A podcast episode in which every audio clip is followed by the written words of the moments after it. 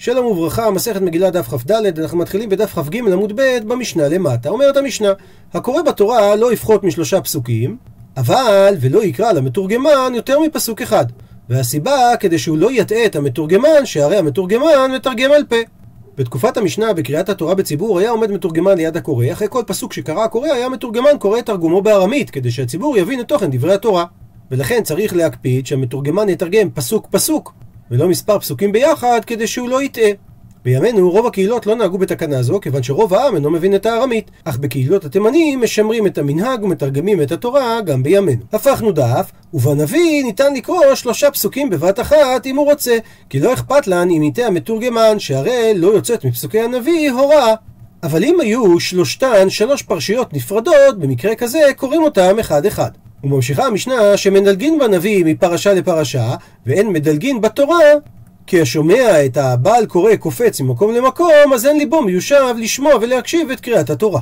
ומה שאמרנו שבנביא אפשר לדלג, ועד כמה הוא מדלג, עד כדי שלא יפסוק המתורגמן. דהיינו, שלא ידלג ממקום שהוא קורא, אלא כדי שיוכל לגול, לגלול את הספר, ולקרות במקום הדילוג, קודם שיגרום המתורגמן את תרגום המקרא שידלג זה. והסיבה, משום שאין זה כבוד ציבור, לעמוד ולחכות שם בשתיקה, עד שהוא יסיים לגול את הספר למקום שאליו הוא רוצה. ואמרנו שהמינימום הוא קריאה של שלושה פסוקים, שואלת הגמרא, הני שלושה פסוקים כנגד מי? עונה על כך, אמר רב אסי כנגד תורה נביאים וכתובים. ציטוט מהמשנה, ולא יקרא למתורגמן יותר מפסוק אחד, ובנביא שלושה פסוקים, ואם היו שלושתם שלוש פרשיות שהן נפרדות זו מזו, קורא אותם אחד אחד.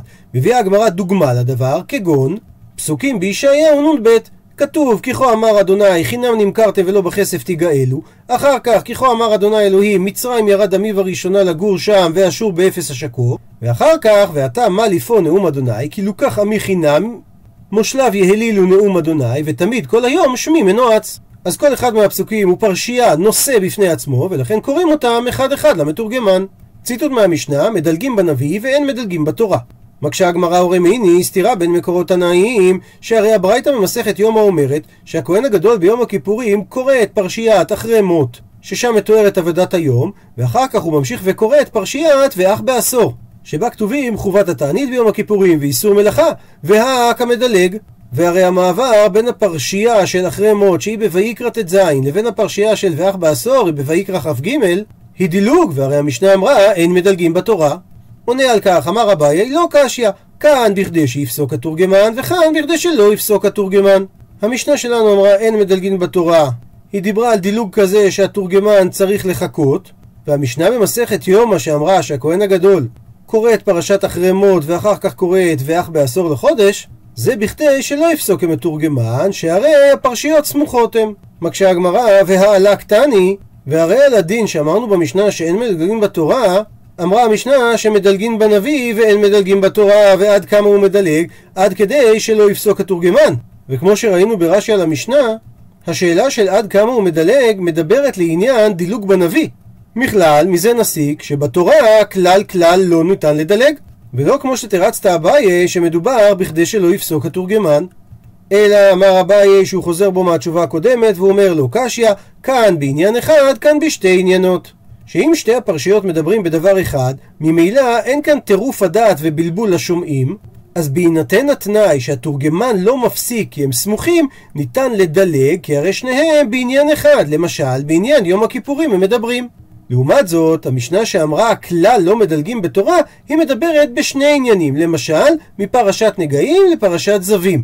הוא מביא אביי סייעתא לדבריו, והתניא, והרי שנינו בברייתא, ורש"י מדגיש שזה נאמר בניחותא כי זה סייעתא, מדלגים בתורה בעניין אחד, ובנביא בשני עניינים, ובתנאי שכאן וכאן זה בכדי שלא יפסוק התורגמן.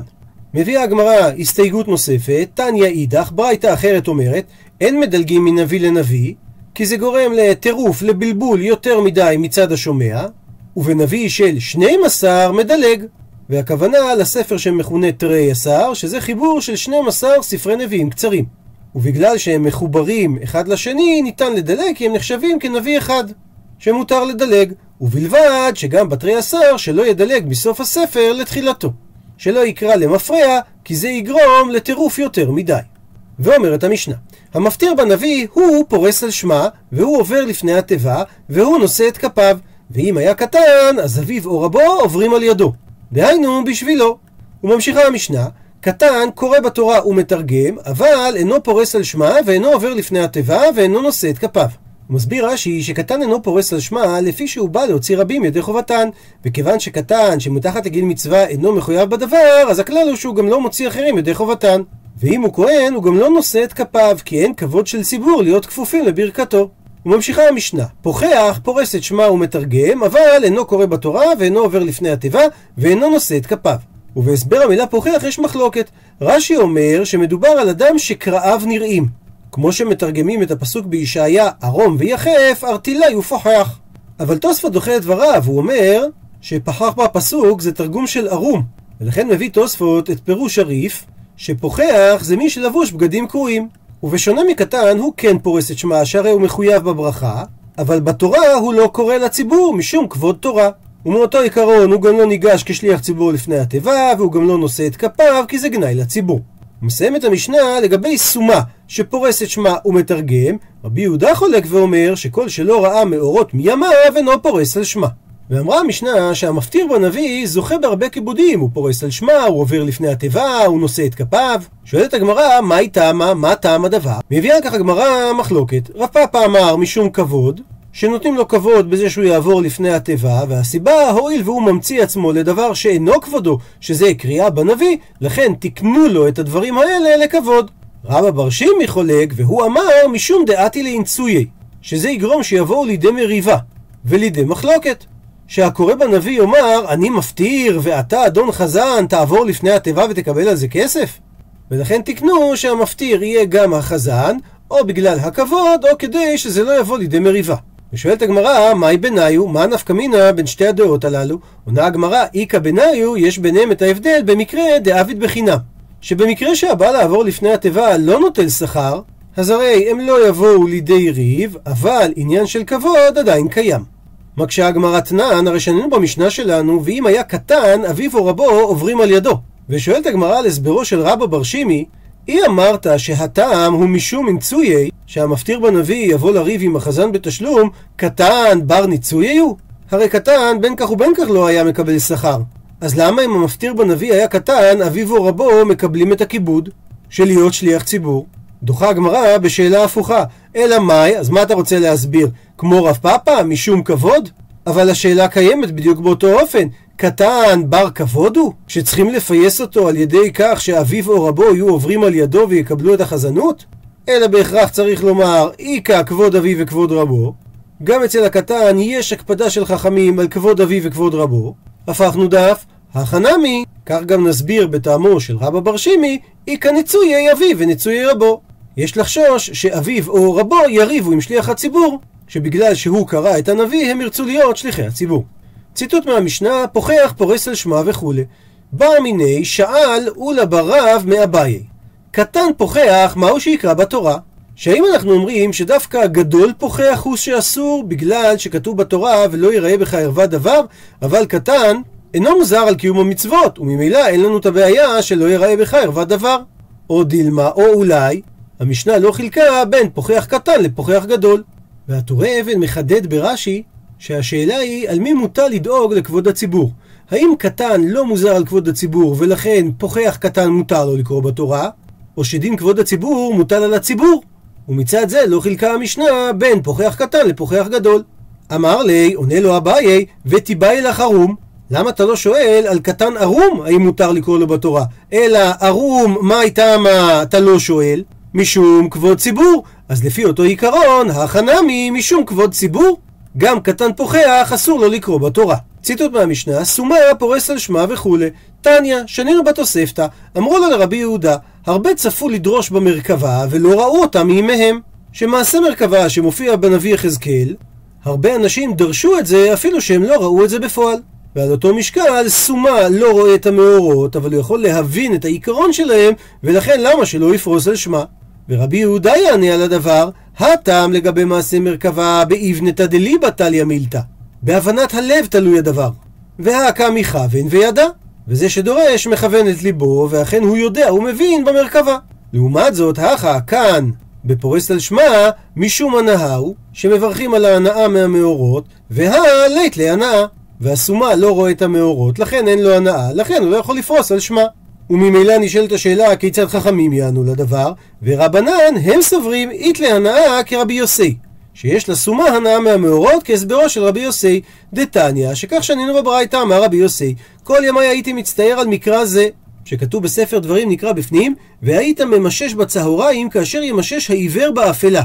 והלשון תמוהה שואל רבי יוסי, וכי מה אכפת לי לעיוור בין אפלה לאורה? הרי בין כך ובין כך הוא לא רואה, עד שבא המעשה לידי. פעם אחת הייתי מהלך באישון לילה ואפלה, וראיתי סומה שהיה מהלך בדרך ואבוקה בידו. אמרתי לו, בני, אבוקה זו, למה לך? הרי אתה לא רואה. אמר לי, כל זמן שאבוקה בידי, בני אדם רואים אותי, ומצילים אותי מן הפחתין ומן הקוצין ומן הברקנים. דהיינו מהמכשולות שיש בדרך. וממילא אנחנו רואים שגם לסומה יש הנאה עקיפה מהמאורות. אומרת המשנה, כהן שיש בידיו מומים לא יישא את כפיו. רבי יהודה אומר, אף מי שהיו ידיו צבועות סטיס לא יישא את כפיו מפני שהעם מסתכלים בו. הוא מסביר רש"י, כהן שיש בידיו מומים לא יישא את כפיו, כי זה גורם שהעם מסתכלים בו, והגמרא במסכת חגיגה אומרת שהמסתכל בכהנים בשעה שנושאים את כפיהם עיניו כהות, והסיבה כי השכינה שורה על ידיהם. ולמרות שאנחנו לא מסתכלים על כפות ידיהם של הכהנים בשעה שנושאים את כפיהם, וגם אם היינו מסתכלים לא היינו רואים שום דבר, כי הרי הם מכסים עצמם בטלית, בכל זאת הצורה שהם עושים בכפות ידיהם היא ידועה. זה מה שנקרא הצדעה וולקנית. זה מחווה גופנית שמתבצעת באמצעות היד.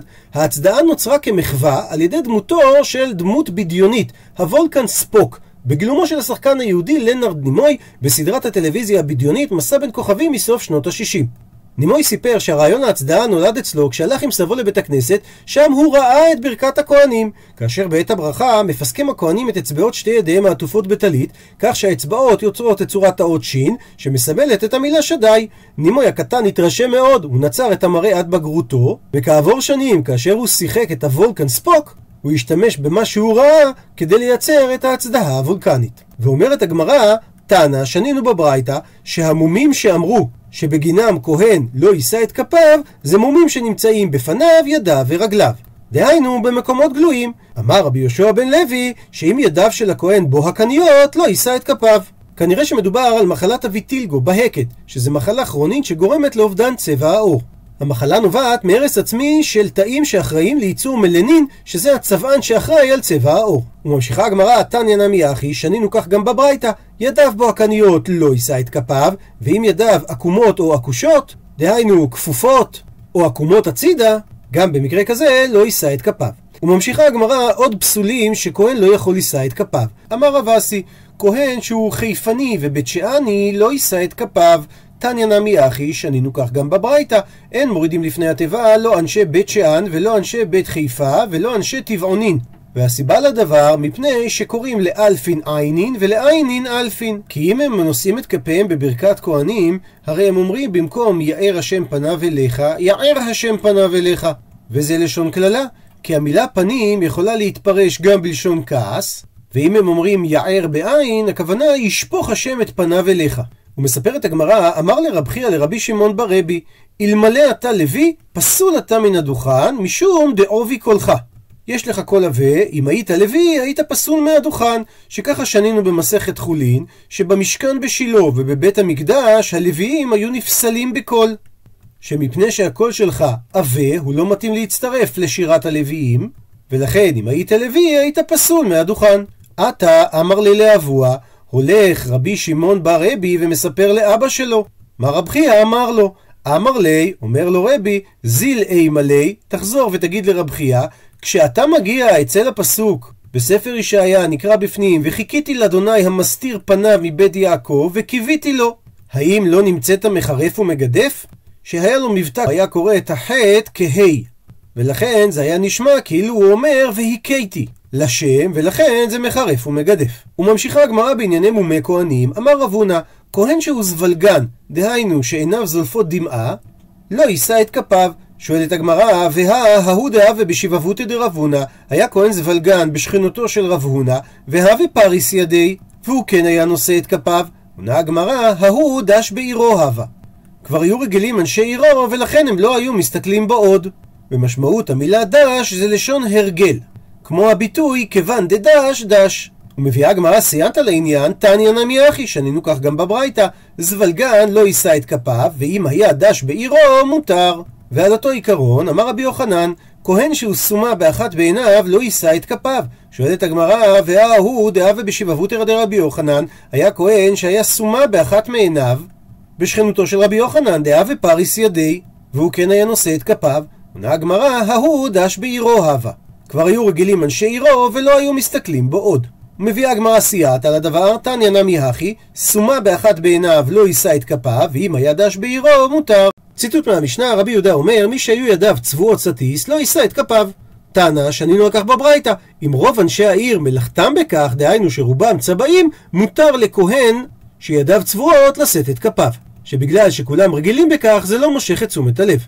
ורש"י אומר שסטיס זה קרוג, ובלעשה רש"י אומר שקרוג זה חריה. ודוקטור משה רענן אומר שהסטיס הצבעים הוא יכול להיות או ניל או אינדיגו, שמהם הפיקו את הצבע הכחול על התבססות השימוש בצבעים סינתטיים לצביעת טקסטיל. והוא מביא את דעתו של פרופסור זוהר עמר, שבתקופת חז"ל המין שבו השתמשו היה האיסטיס, ואילו בימי הביניים המין העיקרי היה ניל הצבעים. ואומרת המשנה, האומר איני עובר לפני התיבה בבגדים בצבועים, אז אף בבגדים בלבנים לא יעבור, ואם הוא אומר בסנדל איני עובר, אז אף יחף לא יעבור. דין שני, העושה תפילתו עגולה, סכנה ואין בה מצווה. מדובר על תפילין של ראש, שאם הוא עושה אותם עגולה כביצה וכאגוז, הרי יש בדבר סכנה שלא תיכנס בראשו. וגם אין בדבר מצווה, כי מדאורייתא התפילין צריכות להיות מרובעות. אם נתנה את התפילין של ראש על מצחו, או את התפילין של יד על פס ידו, הרי זו דרך אמינות. שהם מבזים את מדרש חכמים, והם הולכים אחרי המשמע כמשמען, שכתוב בין עיניך הם מבינים ממש, ועל ידך ממש. מה שאין כן רבותינו שדרשו במסכת מנחות בגזרה שווה, שבין עיניך זה הקודקוד, מקום שמוחו של תינוק רופס, ועל ידך זה גובה יד, דהיינו, הקיבורת שנמצאת בראש הזרוע, איפה שהשריר. שתהא הסימה של התפילין של יד כנגד הלב. זו הזדמנות טובה לוודא שאנחנו מניחים את תפילין של ראש במקומם. התפילין צריכות להיות מונחות בין שתי העיניים, בגובה הראש לפני המקום שבו השערות מתחילות לצמוח, והקשר האחורי צריך להיות בגובה העורף. צריך לשים לב שגם אנשים שיש להם פוני, שיער שיורד על המצח, מקום הנחת התפילין זה עד המקום שבו השערות מתחילות לצמוח ולא עד המקום שהשערות מגיעות. גם אדם שהקריח ואין לו שיער צריך להקפיד להניח את התפילין של ראש עד המקום שבו צמחו לו שערות ולא על המצח. הוא מסיים את המשנה שאם ציפם את התפילין זהב או הוא נתנה את התפילין של יד על בית אונקלי שלו דהיינו על בית יד לבושו מבחוץ על השרוול ולא על הזרוע ישירות הרי זה דרך החיצונים. והחיצונים הם לא מינים, אבל הם קרובים אליהם. זה בני אדם שהולכים אחרי דעתם, חוץ מדעת חכמים. שהם מצפים את התפילים זהב, הם רוצים להדר, אבל זה נגד דעת חכמים, כי כתוב למען תהיה תורת השם בפיך, ודרשו חז"ל שהתפילים צריכים להיות דווקא מבהמה טהורה, מהמותר בפיך. והם שמים את התפילין מבחוץ כדי שכולם יראו אותם, אבל חכמים דרשו לך לאות ולא לאחרים לאות, שיהיו ישירות על גבי הזרוע, ועדיף מתחת לבגד. ולגבי מה שאמרנו, שמי שאומר איני עובר לפני התיבה בצבועים, אז לא יעבור גם בלבנים, ואם הוא אומר אני לא יעבור בסנדל, לא יעבור אף יחף, שואלת הגמרא, מה היא טעמה? מה הטעם שהוא לא יעבור? עונה הגמרא, כי חיישינן שם אמינות נזרקה בו. שכך הייתה לדרכם של המינים עובדי עבודה זרה להקפיד בכך. ציטוט מהמשנה, העושה תפילתו עגולה, סכנה ואין בה מצווה. שואלת הגמרא, לימה תנין עליה? אולי כבר שנינו את ההלכה הזאת, דתנו רבנן, שכך שנו רבותינו בברייתא במסכת מנחות. תפילין מרובעות, הלכה למשה מסיני. ואמר על כך רבא, בתופרן ובאלכסונן. שכשהוא תופר את בית מושבן של התפילין, הוא צריך להיזהר שלא יקלקל את הריבוע שלהם אם הוא ימשוך את חוט התפירה יותר מדי. כי התפילין שלהם היו מבהמה דקה, ולכן הם היו עדינות, לא כמו התפילין שלנו היום שהם מבהמה גסה, וגם אם תמשוך הרבה את חוט התפירה זה לא ישפיע שום דבר על התפילין. וצריך שיהיה להם אלכסון כהלכתו. שאם הצלע של מרובע התפילין זה אצבע ברוחב ובאורך, הרי האלכסון לפי משפט פיתגורס יהיה אצבע ושני חומשין. אז לכאורה, מה שאמרה המשנה, שמי שעושה תפילתו עגולה אין בה מצווה, זה תואם לברייתא שאמרה שהתפילין חייבות להיות מרובעות. דוחה את הדברים, אמר רב פאפא, מתניתין, המשנה שאמרה שתפילין עגולות אין בהם מצווה, מדובר דאבידא כי אמגוזה, שהתפילין עגולות כאגוז, כך שגם הבסיס של התפילין הוא עגול. אבל אולי המשנה מתירה תפילין שהמקום של הבסיס שלהם הוא שטוח כמו עדשה, אפילו אם הצורה שלהם זה לא ריבוע, ולכן אין סייעתא לברייתא מהמשנה. עד לכאן דף כ"ד.